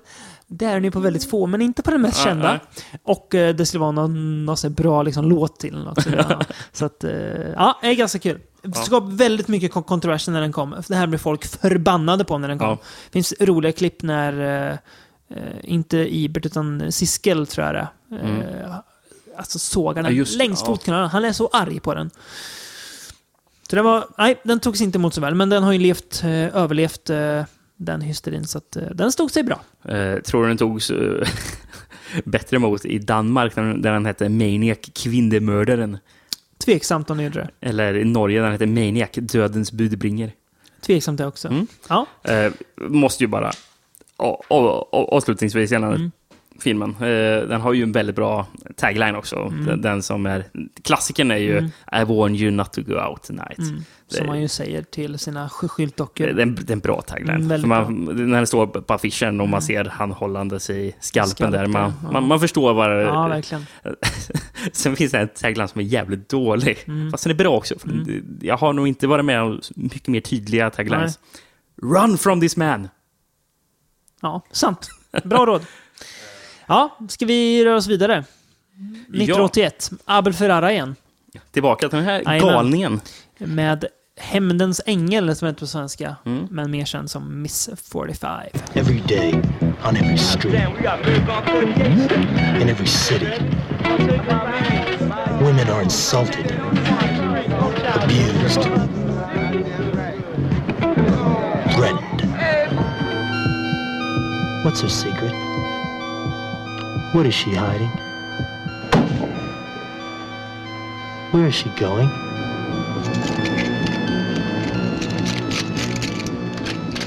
Rätt så rak översättning, Hennes ängel, för den hette ju även Angel of Vengeance. eh, Vissa. Bra översättning. Även om det inte hade hetat Hem- Angel of Vengeance så hade det varit en bra översättning. Eh, handlar om eh, den unga Thana. Eh, en sömmerska. Eh, stum. Stum, Mm, som- precis. Eh, som en dag blir överfallen och eh, våldtagen. En maskerad man, helt slumpmässigt. Maskerade mannen spelas av Abel Ferrara. Eh, hon hinner knappt komma hem innan en annan man under pistolhot vill råna henne först och sen våldtar henne igen. Eh, alltså våldtar henne som liksom överfallen så kort. Eh, men hon hon, får tag i hans pistol och Precis. skjuter ihjäl Ja, honom. slår ihjäl honom så styckar hon ju kroppen sen också. Och efter det här så är hon ju såklart, hon är ju förstörd. Ja, såklart. Eh, och eh, hennes... Inom loppet av några timmar bara. Precis. Hon försöker gå tillbaka till en vardag, men hon märker att det här liksom... mm, Hon tar ju på sig någonstans att bli att alla män ska dö, nästan. Mm. Hon blir en slags en, en Valerie Solanas figur som skrev Skam i manifestet då. Och ja, ger sig, bör liksom ge sig ut att locka män och döda dem. blir det lite den där... ehm, det fanns ju någon så här typ hämndängelmördare i Mexiko Mm, det. för några år sedan. Mm. Eh, eh, det- för det hade- var ju någon, det va? var ju någon busslinje i Mexiko, Mm. i typ Juarez. Mm. Det hade varit väldigt många eh, kvinnor som hade försvunnit, eh, Mm.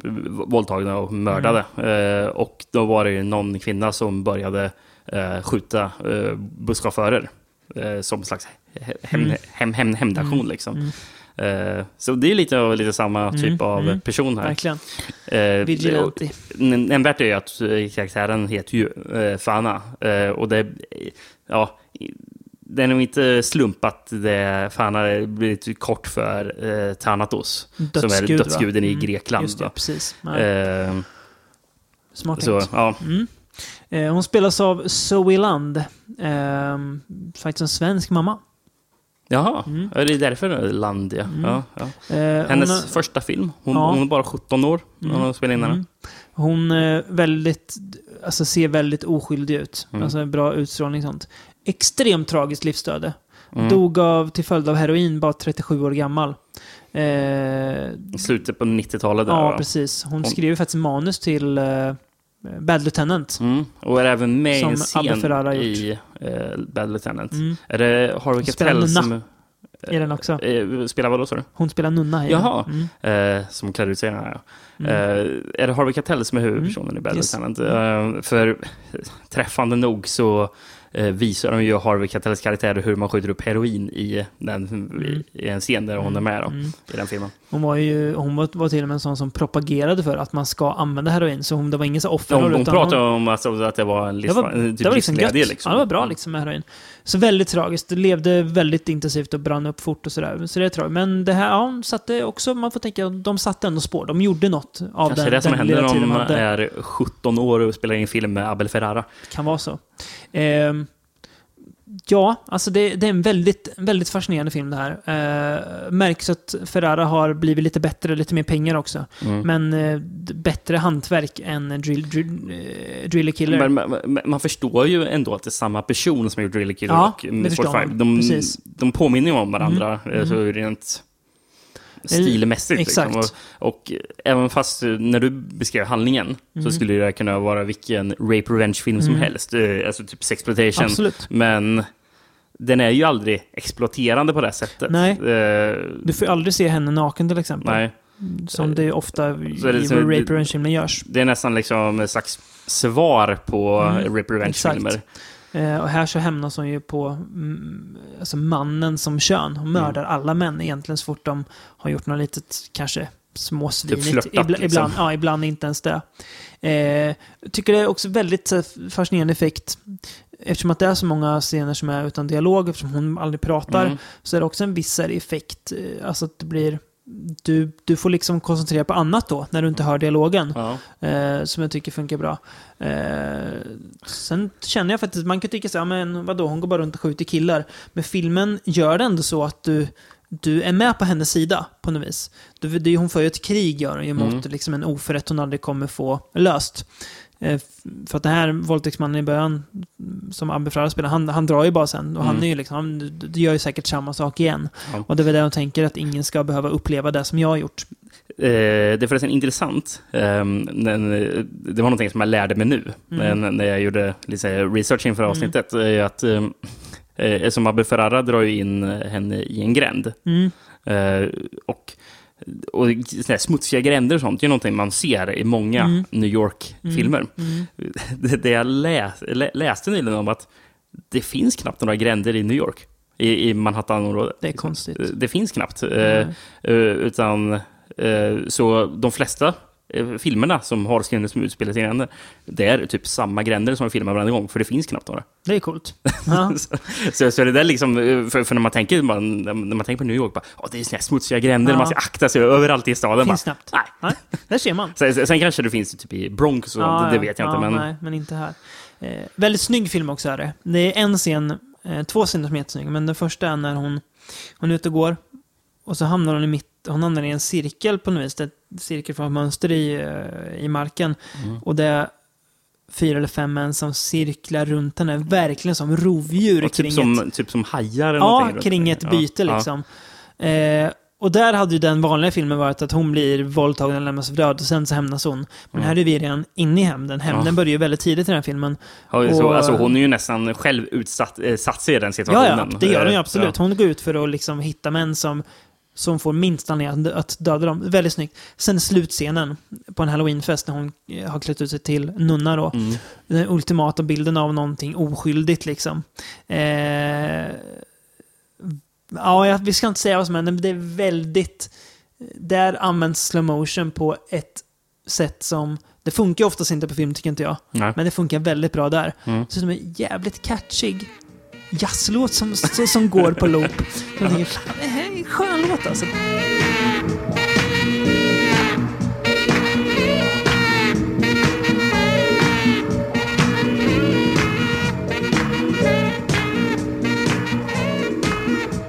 Nej, jag, jag, jag, jag har sett den, eh, det är andra gången jag ser den. Jag uppskattar den ännu mer nu. Det är ju... Och jag märker att Abbe Ferrara är...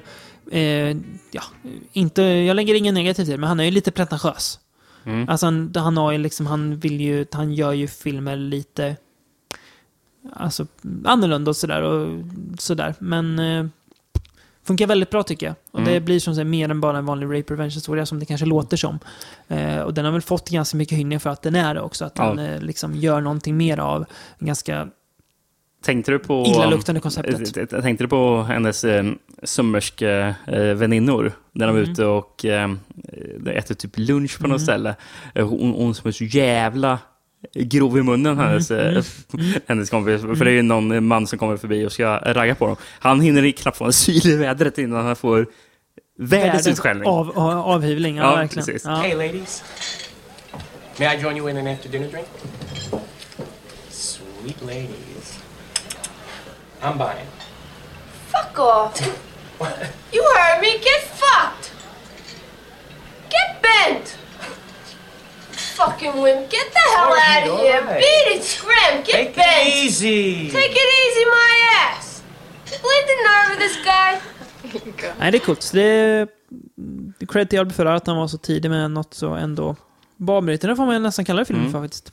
Eh, Kul förresten bara William Lustig-koppling. Han, Mm. han som har fotat den där filmen har ju även fotat eh, Maniac Cop och Vigilante. Okej. Som William Lustig har gjort båda. Ja, just det. Han har även fotat Mad Men. Kul. Det ser man. Mm. I skogen. Innan vi går till nästa film, måste bara se. Jag misslyckades lite med mm, förra taglinen jag drog. Ska Mm. se. Den här är ändå bra. It's no longer a man's world. Ja, den är väldigt bra. Den väldigt bra. tydlig till vad den här filmen om. Jävligt snygg eh, affisch med också när man ser ja, hennes fötter och en pistol. Den är snyggt. Bra film. Och den där är också fin. Den eh, andra varianten. Ja. ehm, nästa film då. Lucio Fulci kommer tillbaka. Han har varit med ganska mycket i år. Ja, ska vi prata... Vi har gått från en film som... Kanske kan på något, i vissa avseenden kan ses som feministisk till och med. Ja. Till en film som... Som eh, på, kanske inte... Nej, som på danska heter Blodig våldtäkt. Ja, jag, jag tänkte säga häpnadsväckande osmaklig titel. Alltså. Det är så sjukt osmaklig Det titel. heter även det jävligt torftiga Psycho Ripper. Men det är såklart mer känd som The New York Ripper. New York City, a town of sights and erotic delights. A sultry setting for the sinister crimes of a crazed sex killer, a master of murder committing countless sins against unsuspecting victims, leaving a trail of brutalized bodies, and cops are stumped. He leaves few clues, but plenty of corpses sending New York's finest on a cat and mouse chase through the seedy haunts of a sexual wasteland. A terrifying tale of a sadistic thrill killer. The New York Ripper. Ja, som... Det var någon... ehm, Det var någon som jobbade... är så sjukt. Hemskt. Det var ju någon som jobbade för BBFC i England. Carol Polsky. Som Ja. beskrev filmen som “Simply the most damaging film I ever seen in my whole life”. Ja. Det här kan jag faktiskt hålla med censuren lite grann. Ja, ja. Ja. Den är... Ja. Det är en arg film där. Vi ska, ja, vi ska prata om den. Eh, titeln säger ganska mycket. Det är en man som eh, mördar kvinnor i New York och filmen börjar med att det är eh, en annan man som är ute och går med sin hund och hittar en, eh, en hand Mm. tillhör mörda kvinnor, en av må- många. Eh, och ja, det bara, det bara fortsätter, morden fortsätter liksom. Polisen står egentligen handfallen, de säger till och med en gång, ja, vad fan, det liksom mördas tio, tio pers per dag här, vad ska vi göra liksom? Lite över, lite kryddade siffror. Men ändå säger ja, det mördas väldigt många. Och det, så var det ju Mm, faktiskt här. mm. Så det var inte helt galet. Polischefen spelas väl av Fulci där? Ja, precis. Ja, ja. Han dyker upp i en liten cameo där. Eh, antalet misstänkta är jättemånga, de har inte så mycket att gå på. Förutom skumma samtal från någon som låter som en anka när han pratar. Speaking. What do you want?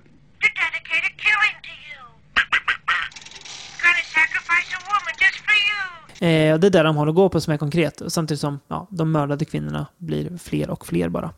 Eh, och det är, ja, som sagt, många misstänkta. Det här är ju väldigt fascinerande hur Fulci gör med sina karaktärer. Typ alla är moraliskt tviv tvivelaktiga på Ja. något vis. Alla har någonting fel över sig. Polis, Polisen vill följa, han går och köper prostituerade fast han är gift liksom.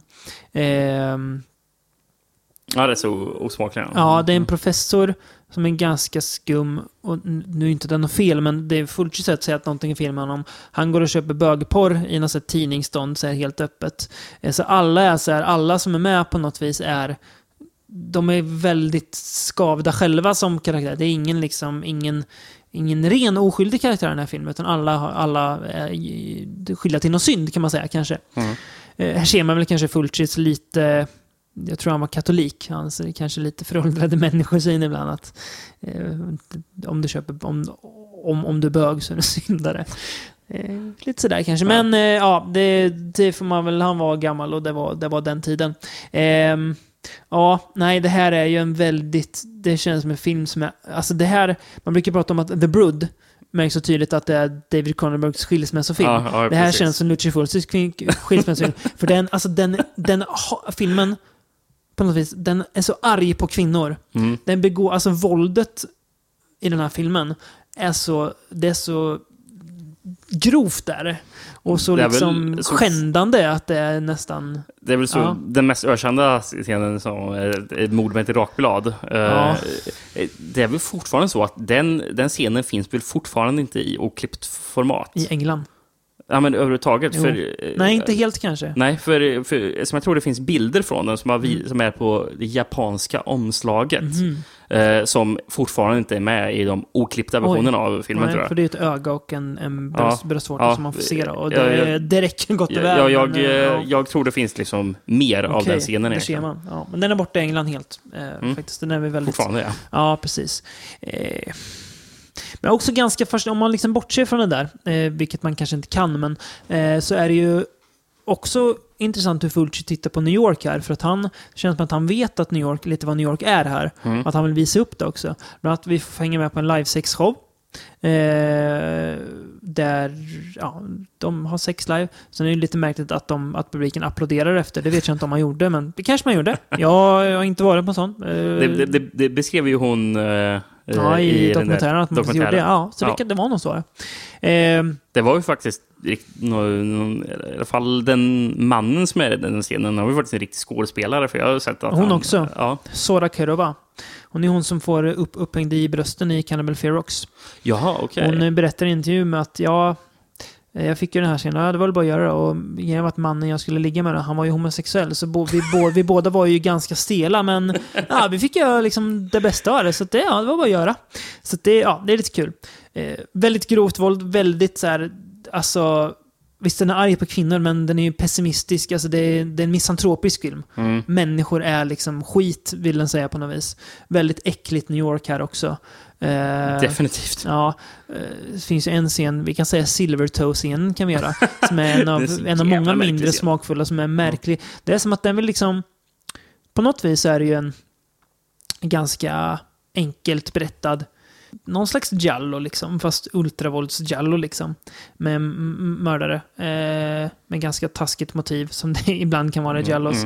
Eh, men det är som att Fulcis mål är snarare att visa upp hur skit allt är. Ja. Hur dålig vä- världen är och vad, och vad, och vad som händer i, i, i den här dåliga världen, särskilt mot kvinnor.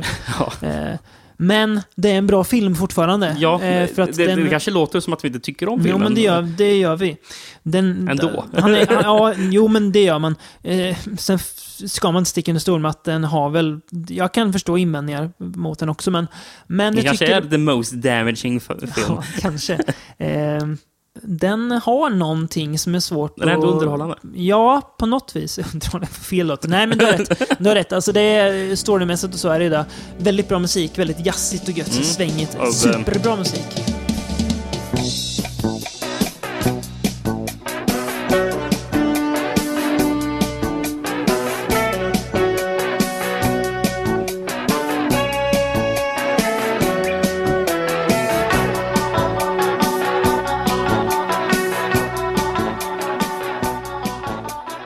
Francesco De Masi, Mm. som gjort musik till Inglourious Basterds till exempel. Mm. Alltså den or- originalet. Ja, ja, precis. Ja. Eh, och även den här eh, First Blood ripoffen vi såg, Thunder. Ja, ja, ja. Ja, det ser man.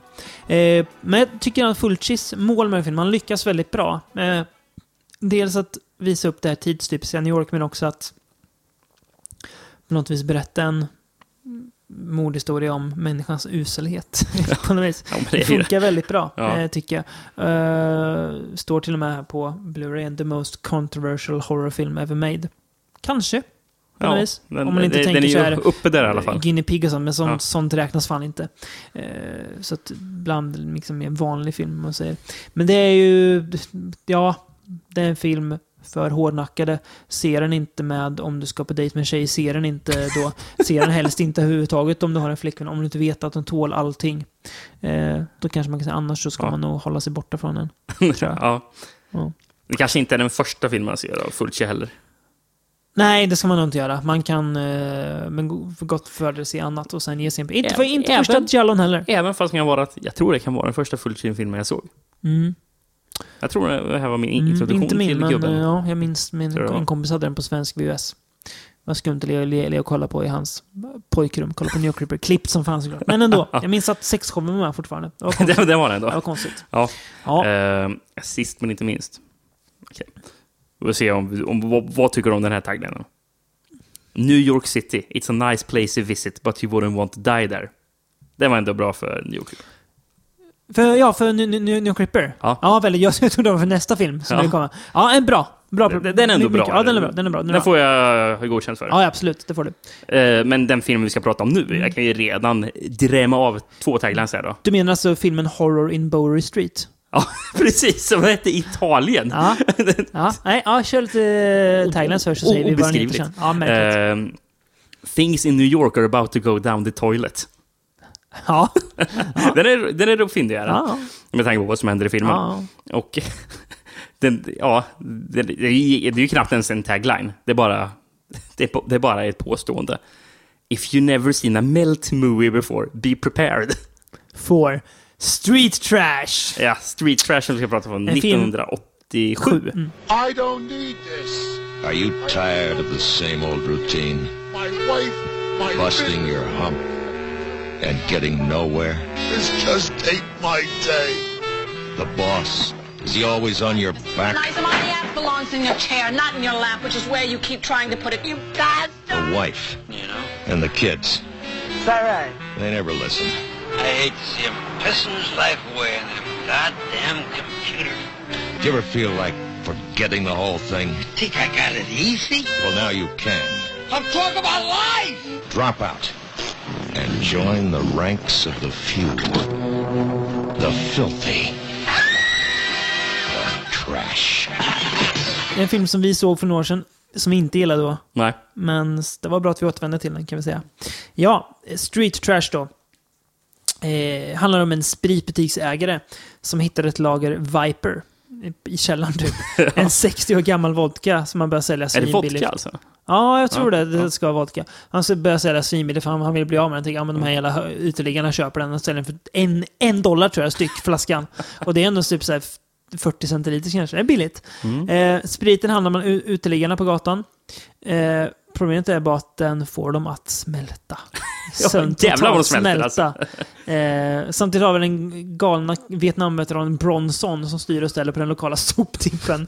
Eh, sprider skräck bland dem. Eller soptippen, det är skrot, skrottippen. Ja, det, det, det, blir typ sant, bilskrot. sant. Där, typ. Eh, Så att, eh, vi, vi såg, det var ju för många avsnitt sedan, men så såg vi ju eh, Lina Romay i en Franco-film spela med eller med någon slags soptipsgäng. Nu, nu, nu är det ett skrottipsgäng. Ja, här. sant. sant. Eh, så att det här galningen i samband med den här dödliga spriten gör att det blir jobbigt för både polis och uteliggare att få ordning på den här situationen. Ja du, jag har skrivit någonstans här. Eh, ja, jag har skrivit det här är som en bra traumafilm. Ja, det känns väldigt mycket trauma. Det är ju väldigt flamsigt, väldigt, väldigt over the top, väldigt extremt och så här full fart från början med och bara den, eh, tokigheter liksom. Och den, det känns ju som att man gör den eh, för att bara peka finger typ. Liksom. Ja, ja, Att, ja. eh, Det här är ju punk på ett annat sätt än vad... Traumasättet. Ja, Eh. precis. Men det är inte trauma. Och det är bättre mycket åt ett eh, trauma vi så. ja. ja, men det känns ju mer som typ Toxic Avenger. Ja, exakt. gör det exakt. Fast lite, upp, upp, lite upp, upp, uppskruvat. Men Mm. ja, absolut. Eh, till till och med eh, skådespelaren R.L. Ryan, Mm. som är med i Toxic Avenger, Mm. eh, dyker upp här med den här väldigt korpulente mannen som man får se i filmen. Ja, just det. Ja. Han, Eh, han är äcklig. eh, Man får ändå säga att det, känns, det, är ingen, det är ingen överraskning att han dog 1991 och ett av en, hjär, av en hjärtattack. Det är 100% samklang med Mm. hans, hans kroppshydda. Ja, Konstigt nog var han även med i Nicolas Cage-filmen Birdie. där ser man. Av typ bara sex filmer han gjorde. Någonting. Där ser man. Ja, märkligt. Även, även- med den där um, Kim Cattrall-filmen Mannequin. Den australiensiska? Ja. Mm. Där ser man. Ja, coolt. Ja, ehm, smälteffekterna måste vi nämna i den här filmen. De är bra. Jättebra är de. Det är väldigt bra Särskilt smälteffekter. eh, scenen då Things about, to go down the toilet. Ja, den är riktigt imponerande. Väldigt bra, väldigt snyggt gjort. Det är verkligen bit för bit för bit som smälter. En, en, en uteliggare som sitter på en toalett och Ja. börjar dricka den här vipen och omedelbart börjar smälta ner i Smälter toaletten. ner i toan liksom. Nej, det är fantastiskt alltså. Ja. Väldigt Och jävligt Alltså, färggrant är det. och grönt och gult och rött. Rosa och, och- är så- alla färger, Ja, liksom. det är så... Jag ser att det ser inte... Det så där ser det inte ut om man smälter, men fan, det är, det är, jätte, det är fina effekter där. Väldigt så här bra praktiska effekter. Sen karaktärsuppsättningarna, det- alltså det är en jävla freakshow. Det är ju det är bara tokiga karaktärer. Det är over... All, alla, eller alla är bindgalna liksom, Det, mer eller det är mindre. mycket osammanhängande svammel i filmen. Ja, ja, ja. Det är en scen när de hugger av eh, snorren på en kille och eh, kastar runt den som någon slags... Eh, om man säger fång, fånga den här då. Jättebisarrt är det. Eh, men det blir aldrig... Det blir aldrig så fånigt att jag blir uttråkad. Heller. Nej. Utan den lyckas ändå hålla det här pubertala på en acceptabel nivå tycker jag. För det är pubertalt ibland, absolut. Eh, Men det är ändå, jag har ändå så pass kul med den att jag... jag ja, men då, det är okej liksom. Mm. Jag, Ja, jag köper det. Den är ju underhållande hela tiden. Ja, Eh, Den är ju så smutsig filmen. Är den. Den är Ja. så jävla smutsig. Ja, den. det. Eh, alltså, ibland känns det ju som att, man, att de har uh, plockat uteliggare liksom, bara för att fi- filma. Liksom. Ja. Bara, vill ni vara med i en film? Eller? Eh, och jag har sett att det är precis som i Drilly Killer, det är många skådespelare som inte någonsin har gjort Nej, någonting precis. mer. än Det kan jag förstå. Eh, en, en av skådespelarna faktiskt som dyker upp eh, eh, bara en jättekort roll. Det är en, typ en yuppie som dyker förbi och får en smältande man i ansiktet. Eh, eh, det är ju faktiskt eh, Roy from Kiss. Eh, jag tror han skrev manuset, var med och skrev manuset Mm. filmen. Konstigt nog. Han är även med i Dawn of the Dead och spelar en zombie. Bara en uncredited Jaha. zombie. Coolt. Och gjorde även den här dokumentären, Document of the Dead. Jaha, 85. om Romeros. Ja, Ja, där ser man. och gjorde även den här dokumentären Meltdown Memoirs om den här filmen som kom. Coolt. Där ser man. Ja, fin, Eh, fin karriär. Brokig men fin. Han, han skrev även eh, The Substitute 2 med Treat Williams. Det har något. Ja, Det har mycket. Det har något. Mm. Ja, nej, men det, är väldigt, eh, väldigt charmig film. Eh? Det är, en, det är en av, um, konstigt nog, alla smälter. Förutom en person som exploderar som Ja. han är tjockisen i. Meaning of Life. Det är härligt. Fascinerande scen. Som en ballong som helt bara poff. Det är en, det är en scen i den här filmen som är briljant, alltså som är komiskt guld. Och det är när eh, en karaktär som heter Bert, han ska gå in och, och snatta på en matvarubutik. Och han är, han är inte subtil när han snattar. Det är liksom hänger en sån kyckling utanför byxorna. och de bara, du snattar ju. Det är han Nej. som har gasmask på sig va? Ja. Mm. Ja, men nej, jag, jag snattar. Ja, men det, det hänger, hänger ut ur kycklingen. Nej, vad fan pratar om? Så han liksom bara går ut ur butiken och sk, sk, sk, skiter i... Han, han kan, ni, ni, ni är bara rasister, jag är svart. Ni säger bara att jag snattar fast jag inte gör det. Ni är ju sämsta snattaren i världen. Nej, det är väldigt kul. Så jag, jag tyckte om den nu när jag såg den nu. Så det det är en sån film jag känner att jag kan återvända till och uppskatta som lite så här. Ska jag se vad han, eh. Roy Frumkis sa förresten, Mm. eh, som skrev manuset. I, I, I wrote it to, to democratically offend every group on the planet and as a result the youth market embraced it as a renegade work and it played midnight show. Så. Men democratically offend every group on the planet. Ja, det är lite så. Ja. Det, man ser ju att det är det som är Mm. poängen med filmen. Ja, ja. Typ. Och det, det funkar. Alltså Mm. vi, vi, vi blir inte offended så, men jag, alltså den, den funkar i sin tokuppskruvade tokighet. Han alltså spelar Bronson förresten. Mm. Han, han gör det bra som galning. Ja, Eh, Övertaggad. Han, han, han var ju typ inte, eh, jag förstod det som, inte skådespelaren som egentligen skulle spela den, den rollen, men han som spelade, egentligen skulle spela Bronson fick sparken. Så han, eh, Vic Noto heter han, skådespelaren, han blev meddelad om att han skulle spela den rollen typ 12 timmar innan det, skulle börja filmas. Eh, lika bra att jag läser citatet rakt av vad han själv har sagt. I didn't know what the hell I was doing, nor did I ever understand who Bronson was. I did scene by scene and not even knowing what the movie was about. I didn't read the script until three months after I was wrapped. I still don't know what who Bronson was. Underbart. Det är verkligen så trasig film. Men det nej, jag gillar den. Så det är väldigt underhållande och gött. Så det ja. Si- Sista, också jättekonstigt, om den här filmen. Mm. Brian Singer var, var med och eh, som grip på filmen. Det är underbart att han har det. Brian Singer, alltså, som sen gjorde X-Men. Ja. Ja. Fascinerande. Så kan Han- det vara ibland. han var- ja. han fick sin start här. eh, Ibland är stegen inte långt bort från eh, Hollywood till New Yorks smutsiga gator. Eh, det finns ju jättemånga filmer vi har hoppat över här. Eh, såklart. Ja. Bas- Basket Case som vi sa förut. Jätte, vi, jättemycket. vi nämnde ju nå- några filmer i Ja. början där. Liksom. Det Ehm, finns hur mycket ja, som helst. gör det. Men vi gjorde ett litet urval och det var ett trevligt urval. Typ Abel Ferraris King of New York känns ju kanske Mm, passande. Även fast den är typ 90-tal. Men Christopher Walken, ja. mm. kanske borde göra ett helt Abel Ferrara-avsnitt kanske. Tycker jag. Bad Lieutenant. Addiction. Ja. Mm. Absolut, Ja, det- tycker jag. Mm. Något att, Inte omöjligt. Nej, något att fundera på. Men det är, ja, det är många bra, alltså, många bra filmer. Jag skulle den enda jag rekommenderar att man inte ser det är Masters Polar Murder. Sen tycker jag man kan se Driller Killer och bilda en egen uppfattning, för man kanske gillar den. Mm. Även om inte vi gjorde det så kan jag ändå så här... Alltså, men den är intressant som ett dokument. Ja, det är den. Så det är väl en av de sevärda filmerna som man ändå har tänkt det, det betyget på. Som Mm. jag ändå säger, ja men se den ändå, fan. Så det säger något om filmen ändå. Paul Murders har ju typ ingen historiskt värde. Det är ju om man, om man har sett allt annat, om man verkligen vill se vad, hur såg det ut på sju- 70-talet. då? Ja, visst, se Ja, men den, det har man ju sett i andra filmer. Ja, jag vet. Men om man, ja, men jag vill se det på något annat sätt, okej, gör det då. Men skyll dig själv. Mm. Det är inget nytt liksom.